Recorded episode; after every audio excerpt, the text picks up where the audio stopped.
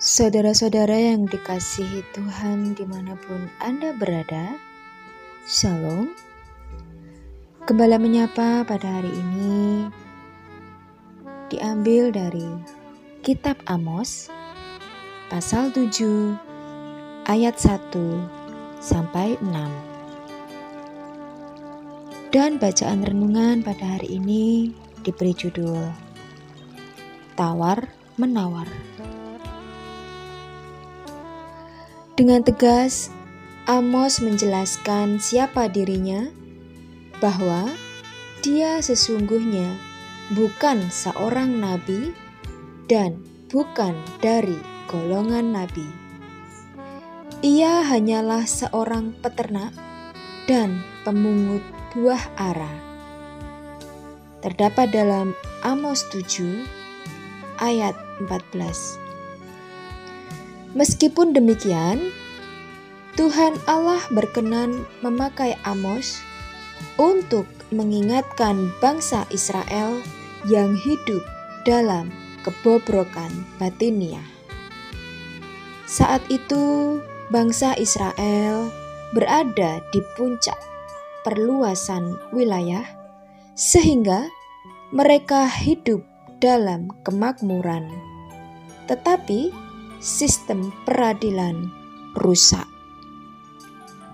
Hal ini mengakibatkan penindasan terhadap orang miskin, merupakan kebiasaan umum saat itu.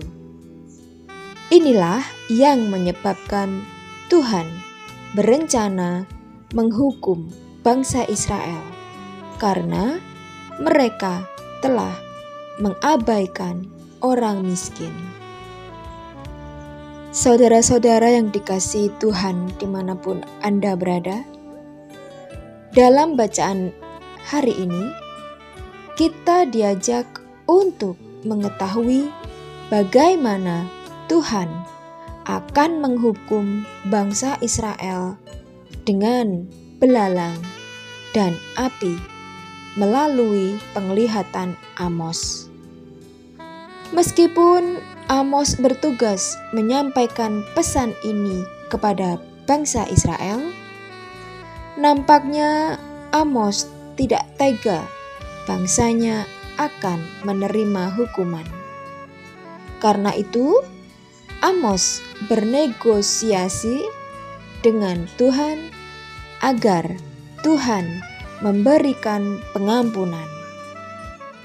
Apakah Amos berhasil dengan negosiasinya? Pada ayat 3 dan 6 dikatakan, Maka menyesalah Tuhan. Ya, Amos berhasil. Hati Tuhan menjadi luluh karena permohonannya.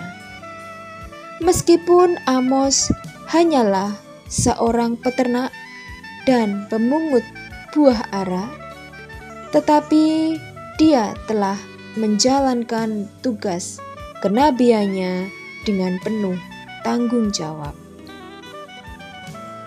Ternyata Tuhan tidak segalak yang kita bayangkan. Tuhan juga tidak sekaku seperti yang kita pikirkan. Keputusan Tuhan dapat diubah asalkan kita mempunyai niat untuk memperbaiki diri.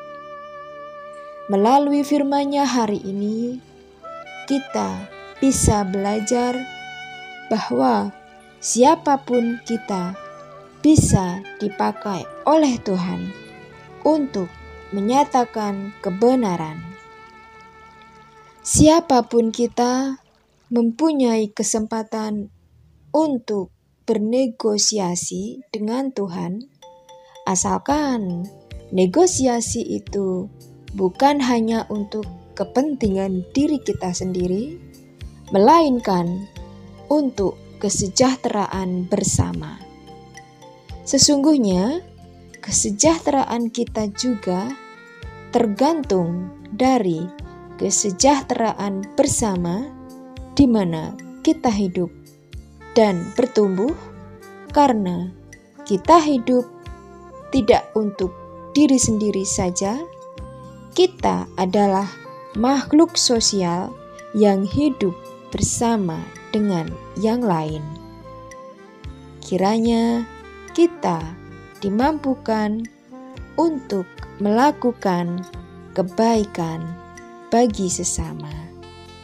Demikian bacaan renungan pada hari ini. Tuhan Yesus memberkati. Amin.